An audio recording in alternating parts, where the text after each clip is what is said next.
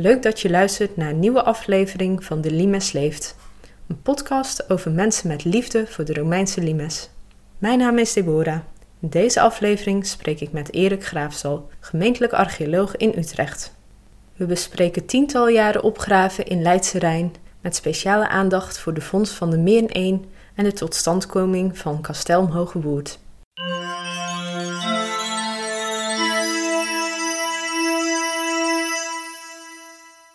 Nou, ik ben Erik Graafstal, gemeentelijk archeoloog van Utrecht. Maar vooral een gelukkig mens, omdat ik eh, het grote voorrecht heb gehad om 25 eh, jaar lang inmiddels, zeg ik dat goed? Ja, wel zo'n beetje, in Leidse Rijn actief te zijn met archeologie. Het is ook het gebied waar ik ben opgegroeid. Dus het, ja, de limes, de archeologie van Leidse Rijn, dat, dat heeft een hele gekke, rijke relatie met, met eigenlijk heel mijn leven.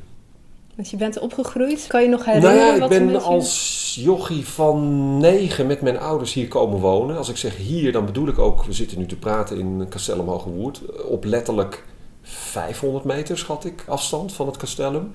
Ja, en zo gek als het klinkt... Mijn eerste contact met de archeologie bestond erin dat ik naar school fietste. Het, uh, wat nu Castellum Hogewoerd is, dat lag op mijn vaste schoolroute. En op een dag werd er opeens een diep gat gegraven eh, langs het fietspad waarover ik altijd naar school reed. En ik had geen idee wat dat was. Dat bleek een opgraving te zijn. 1973 was dat. En ik denk dat het mijn moeder was die in eerste instantie durfde te vragen aan de onderzoekers wat ze daar deden. En uh, nou, toen hoorden we het verhaal van, nou, we graven hier naar een Romeinse castellum. Oh, wat is dat dan? Nou, zo is het begonnen. Dus ik hoorde dat daar een Romeins fort had gestaan en dat je aan de oppervlak zelfs resten daarvan kon vinden. En zo ben ik gaan verzamelen in de boomgaarden die hier toen nog lagen. Je kon aan de oppervlakte tot eigenlijk vijf jaar geleden kon je zoeken naar Romeinse scherven. En ik heb toen een grote collectie bij elkaar gescharreld. De loop van een paar jaar. En ja, dat is het begin geworden eigenlijk van mijn ja, levenslange fascinatie met Romeinen, limes, archeologie en noem maar op. En dat ben je daarom ook gaan studeren later? Ja, geschiedenis in eerste instantie, provinciaal Romeinse archeologie daarnaast. Uh, ik heb trouwens in dat kader ook mogen meedoen aan de opgraving die in 1982 plaatsvond in het Castellum. Dat is waar wij zitten in het educatorium van het Castellum. Nou, ik zou zeggen 20 meter achter ons. Een grote opgraving. Er was toen vreemd genoeg vergunning afgegeven door de Rijksdienst voor het bouwen van een grote woning in wat nu dus het Romeinse Castellum is. Midden in de boomgaarden die daar toen lagen. Was eigenlijk heel raar. Maar goed, daar was als voorwaarde aan verbonden dat er een grote opgraving zou uh, plaatsvinden. Die is uitgevoerd door het Archeologisch Instituut in Utrecht. Ja, ik mocht als student meedoen aan die opgraving. Toen is bijvoorbeeld uh, een van de hoofdstraten opgegraven, die nu zichtbaar is gemaakt in het Castellum, in het rode plaveisel, de Via Principalis. Zelf vond ik toen trouwens het hoofdmasker, zou ik maar zeggen, voor een cavaleriepaard met die mooi versierde oogkorven. Dat is opgenomen in de expositie hier naast ons. Hele opmerkelijke vondst toen. Misschien verstopt in het kader van de Bataafse opstand, net als de goudschat op het Domplein uh, in Utrecht, is dit een kostbaar stuk. Dat dacht ik, ja, het lag begraven onder de brandlaag van 69. Dus misschien ook wel een vergelijkbare context. En de rest is history, zeg maar. ja, want die, die, villa die is hier ook echt gebouwd geweest, toch? Ja, die heeft hier gestaan tot 2013. Toen is hij door de gemeente verworven, gesloopt. Want hij is verworven om plaats te maken voor het castellum. Geeft ook een beetje aan wat voor een investering dat is geweest, de bouw van het castellum. Want die woning is opgekocht, maar ook alle boomgaarden eromheen. Niet onbelangrijk, de Castellumlaan, waar ik het net over had, hè, dat fietspad uh, waar ik over fietste vroeger, dat ja, die Castellumlaan die lag letterlijk onder de plek waar nu het Romeinse schip is. Nou, die Castellumlaan is omgelegd, vooruitlopend op de realisatie van het Castellum. Daar is eigenlijk de, Vicuslaan voor in de plaats gekomen, die met een grote boog om het beschermde monument heen loopt nu. Dus alleen al het plaatsmaken voor het Castellum, ja, dat is een miljoenenoperatie geweest. Dus ja, dat is echt een grote ambitie, zeg maar, die hier tot stand is gekomen. En wanneer ben je dan als archeoloog in Utrecht komen werken dat je met de opgravingen aan Leidse Rijn ook bent gaan meehelpen? Nou, dat is getrapt gebeurd. Ik had natuurlijk een heel groot uh, amateurverleden hier en ook uh, later in heel Leidse Rijn hoor, want ik ben later gaan zoeken en vindplaatsen inventariseren ook in de omgeving. En dat was handig toen het archeologisch bureau Raap de opdracht kreeg van de provincie om dit hele gebied te inventariseren. Vooruitlopend op eh, de plannen van Leidse Rijn, dat was 91, 92. Toen hebben ze mij in dienst genomen om mee te helpen bij die grote archeologische kartering. 2000 hectare hebben we toen ten westen van eh, Utrecht in kaart gebracht. Ja, door de oppervlakte af te zoeken en in een vervolgstadium grondboringen te plaatsen. Dat is 92, 93 geweest. Daarna heb ik wisselende projecten ook bij de Rijksdienst voor Oudheidkundig Bodemonderzoek gedaan. Zo heette dat toen nog. Ja, en toen kwam begin 96 een hele interessante opdracht bij toen nog de zelfstandige gemeente Vleuten de Meren. Die zocht een projectarcheoloog voor de begeleiding van hun deel van de realisatie van Leidse Rijn. Dat ging om 10.000 woningen, zou Vleuten de Meren zelf bouwen. Wat nu de wijken Veldhuizen, de Baleien en Vleutenweide is geworden. Dat was eigenlijk de bouwopgave van Vleuten de Meren. En daar zochten ze een projectarcheoloog voor. Aanvankelijk voor twee dagen per week, want ze dachten van, nou ja, één zo'n figuur en dan een stelletje vrijwilligers erbij. Nou, en die geven we af en toe een graafmachientje en dan zal het wel loslopen. Maar ja, dat explodeerde eigenlijk meteen in het volgende jaar. 97 explodeerde dat. Begon, moet ik even nadenken, in maart geloof ik, 97 met proefsleuven op diverse terreinen in het gebied Veldhuizen. En nou ja, als je de geschiedenis een beetje kent, al in september van dat jaar werd het Romeinse schip ontdekt. En heel kort daarna de Romeinse weg. En ja, toen knalde ook mijn bestaan uit elkaar in die zin dat ik opeens zoveel werk had met de inpassing van al die resten in de bouwplannen die al ver gevorderd waren. Het organiseren van opgravingen. Dus in 98 herinner ik mij, zat ik al tot over mijn oren in het werk en werkte ik volledig hier. Nou, dat heeft toen een paar jaar geduurd. Onderzoek aan de Romeinse weg, wachttorens, schepen. En toen kwam de gemeentelijke herindeling. Die werd in, dacht ik, 2000 definitief. 1 januari 2001 was de, geloof ik de datum van de formele herindeling. Dus vanaf die tijd werkte ik in Utrecht. Dus bij de club die nu afdeling erfgoed is, daar. Inmiddels als gemeentelijk archeoloog, samen met twee anderen, Herwinia en Annette Bakker, met z'n drieën. Nou ja, daar is natuurlijk heel veel op gevolgd. Het grootste deel van Leidse Rijn is na 2001 ontwikkeld. En er is heel veel meer gekomen. Ja, dat ik daar zo lang aan heb mogen meewerken, dat is natuurlijk ontzettend groot voorrecht.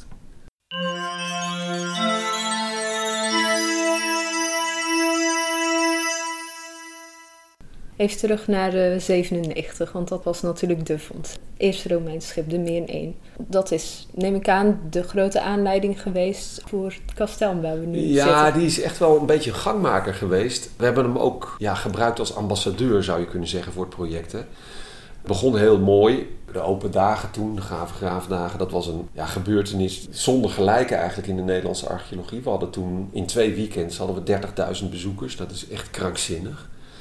Ik denk dat ja, toen eigenlijk al dat Romeinse schip uh, is ingesloten in de harten van in ieder geval de, de Leidse Rijngemeenschap die aan het ontstaan was. Zeker ook trouwens de oude dorpen, vergeet die niet, de Meren en Vleuten. Zijn heel belangrijk geweest, ook de historische vereniging daar, bij het gaande houden van de belangstelling voor ja, het verleden van Leidse Rijn.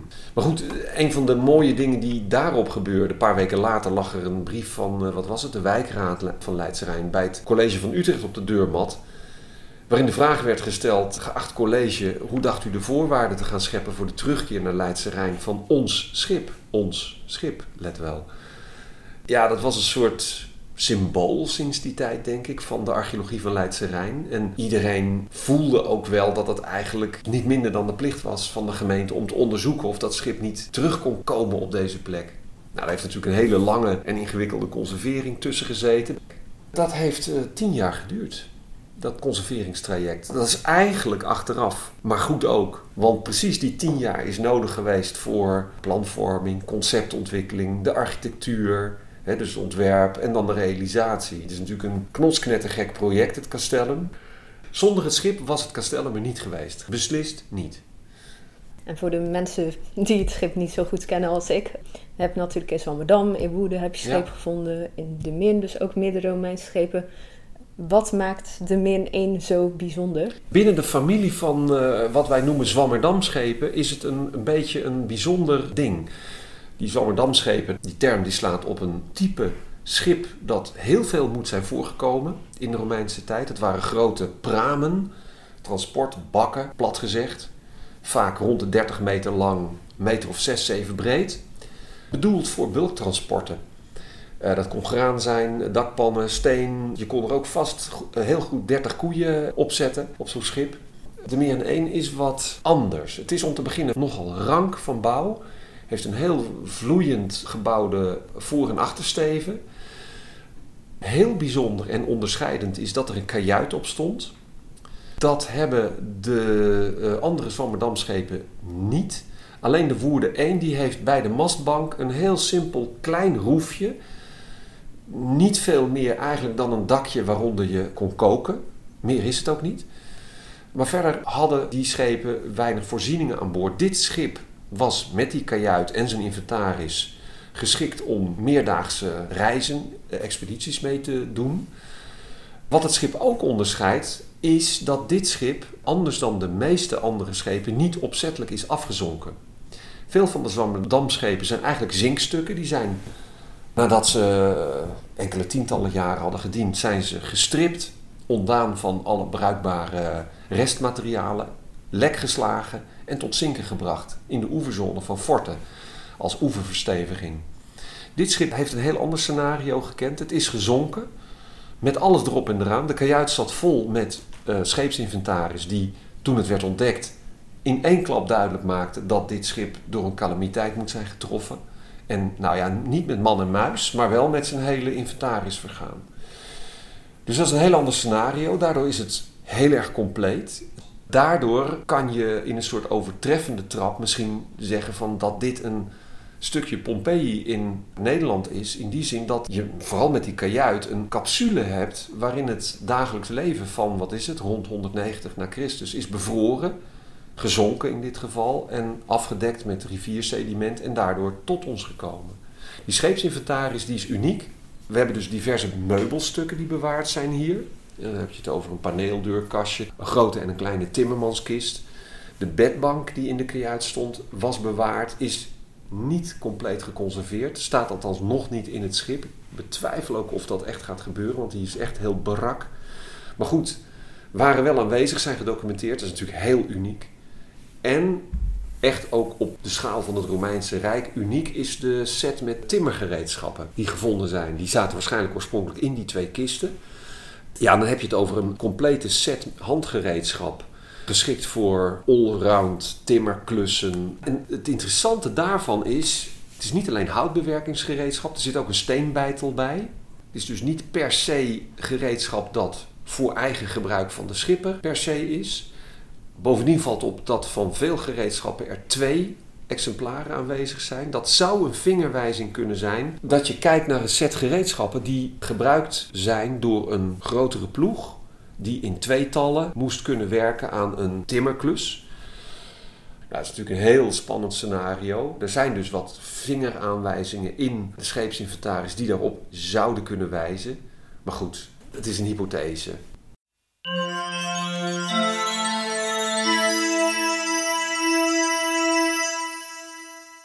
Was meteen duidelijk toen je dus een, een, plek voor dat schip terug in Leidse Rijn ging bedenken, dat dat dan hier moest zijn bij het kasteel? Nou, vrij snel kwam toen wel het castellum in beeld. Het is niet alleen trouwens het schip dat gangmaker is geweest. Hè. Toen we vanuit Erfgoed Utrecht met Leidse Rijn aan de gang gingen, of een aantal jaren waren, rond 2000 denk ik, realiseerden we ons, joh, we gaan daar straks 15, 20, blijkt nu 25 jaar te worden, met archeologie aan de gang dat is een bijzonder project. Dan moeten we ook de resultaten daarvan op een bijzondere manier zien af te leveren bij het publiek. En dan in de eerste plaats bij de echte eigenaars van dat verhaal. Dat zijn de bewoners van Leidse Rijn. Dus al heel gauw kwam het idee op om een plek te maken waar we de archeologie van het gebied, niet alleen van de Limes, konden presenteren. Ja, en zo'n plek dachten wij al heel gauw. Ik, ja, daar waren we rond 2000 zaten we al op dat spoor hoopten we toch echt te maken op de Hoge Woerd. Dat was de plek waar het Romeinse castellum van Leidse Rijn had gestaan. Dus dat was de plek, als het maar even kon, waar die droom gerealiseerd moest worden. Ja, toen kwam dat schip, 2003 opgegraven, 97 al ontdekt, maar pas 2003 opgegraven. Toen bleek de potentie daarvan.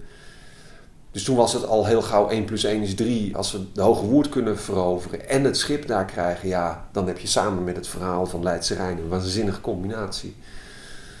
Maar goed, dat is een droom en dan nog een plan. En dat heeft een paar jaar geduurd. Toen bedachten we eigenlijk, en ik denk dat dat misschien wel een van de belangrijkste momenten is geweest in het ontwerpproces. Toen bedachten we, joh, we moeten die ambitie niet eigenstandig vorm willen geven. In de zin van dat je hier een op zichzelf staand archeologisch ding moet maken. Wat zijn eigen broek moet ophouden, zijn eigen publiek trekken. Dat wordt veel sterker als je het combineert met andere functies. Horeca lag heel erg voor de hand, maar ook een wijktheater was gepland voor Leidse Rijn. Er was een stadsboerderij gepland zoals alle andere steden in Utrecht. Hè, griftsteden, koppelsteden, eilandsteden. Ja, hoe mooi zou het niet zijn om die functies bij elkaar te plaatsen op de Hoge Woerd? Nou, dat is het Castellum geworden. En dat concept hadden we rond 2006, 2007 hadden we dat te pakken. Nou de rest is toen heel vanzelf gegaan. 2008 hadden we een stedenbouwkundig plan waarbij eigenlijk deze elementen al bijeen waren gevoegd in de context van een hersteld, herbouwd Romeins castellum. Ja, en verder was het techniek, de middelen bij elkaar krijgen, goed plan maken. Architect is 2010 aan boord gestapt, bureau Skets. Startbouw, wanneer was dat? 2013. Mooie weg is dat geweest. Bijzonder om allemaal mee te maken ook. Ja, en heel belangrijk is natuurlijk sinds Malta om ook dat fort wat hier dus nog onder onze voeten ligt, om dat niet te beschadigen. Ja, dat is een van de grondgedachten van de conventie van eh, Malta of Valletta. Dus behoud in situ zoveel mogelijk van archeologische resten. Met het doel om latere generaties de kans te geven om hun vragen te stellen aan het verleden en ook te onderzoeken met misschien veel betere technieken dan wij nu hebben. En dat is denk ik het hele mooie van de Hoge Woerd. Het heeft een fantastische functie opgeleverd voor het publiek. Maar vergeet niet dat we met dit plan ook 12 of 15 hectare toparcheologie uh, hebben onttrokken aan sluipend verval. Want in die boomgaarden werd altijd maar geploegd. Er werden beregeningsinstallaties ingegraven. Castellumlaan, daar lag de wereld aan leidingen in de berm. Daar vond altijd onderhoud plaats. Sluipend zag je dat monument achteruit gaan. We hebben 12 of 15 hectare toparcheologie in openbaar beheer gebracht. En daarmee veiliggesteld voor de toekomst. Dat gaat nu op voor werelderfgoed. Hè. Het is één met, met een, een, stuk of dertig andere plekken in Nederland. En eh, trouwens een, een, eenzelfde aantal in Noord-Rijn-Westfalen en Rijnland-Pfalz. Gaat de Nedergermaanse grens op voor het predicaat van uh, werelderfgoed 2021. En voorwaar heeft Castellum Hoge Woerd, uh, of de Hoge Woerd, uh, daar wat in mee te zingen in dat koor van stemmen. Want nou ja, we staan op dit moment, as we speak, staan we op te graven in de rivierbedding naast het castellum. Nou ja, en daar wordt weer bewaarheid wat we weten, dat met name die dichtgeslipte rivierbeddingen naast de forten, ja, dat, dat zijn schatkamers. Als je hier die paar honderd meter havenfront naast het castellum zou gaan opgraven, dan kan je drie musea mee vullen. Dat is ongehoord wat daar ligt. De dagelijkse afval ging de rivier in zware oeverconstructies staan daar. Daar liggen ongetwijfeld nog afgezonken schepen. Maar heel bijzonder, ik verraad nog niet heel veel van wat er gaat komen aan communicatie, maar we weten nu bijvoorbeeld dat er ook rituele deposities plaatsvinden in die rivier. Dus offerhandelingen. Dat is een bekend fenomeen, hè? Dat, dat dateert al uit de late bronstijd. Wateroppervlakken zijn eigenlijk een soort grensvlak als je iets offert in een rivier of in een veen of een waterput, dan draag je het over naar de machten van een andere wereld. En dat werd rond die forten ook gedaan. Daar wordt wapengoed, eh, wapentuig, maar ook uh, mantelspelden en, en vingerringen worden er geofferd. Dat is ook nu weer gebleken. En dat is een potentieel, dat wisten we wel, want we kenden de helmvondsten van diverse castellumlocaties. Nou, dat zijn echt geen dingen die men zo casual verliest hoor. Dat zijn zeer bewuste deposities, zoals archeologen dat noemen. Ja, en als ik nou kijk wat we in het noordelijke voorveld van het castellum in de rivier hebben gevonden en je telt dat allemaal op, dan zeg je opeens: Oh ja, maar wacht even, nou snap ik het. Een hele range van vondsten valt moeiteloos in die categorie van offergoed. En dat gaat van inderdaad complete zwaarden tot nou ja, kleine fibula's. Dus er liggen ook nog hele intrigerende offerlandschappen rondom die castella. Dat is een iets wat mij op dit moment heel erg bezighoudt en fascineert. Dus dat is ook weer iets om ja, mooie verhalen over te gaan maken voor de komende jaren. Kortom, het houdt niet op.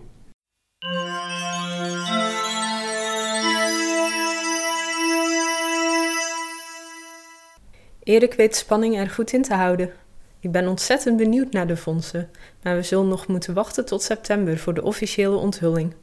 Volgende keer spreek ik met archeoloog Tom Hazenberg. Hij is directeur van Hazenberg Archeologie en nauw betrokken bij vele projecten rondom de Limes.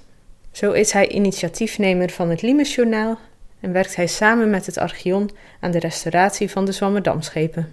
Ben je ook zo benieuwd naar zijn droom voor een Nationaal Romeins Scheepvaartmuseum? Luister dan volgende keer weer naar de leeft.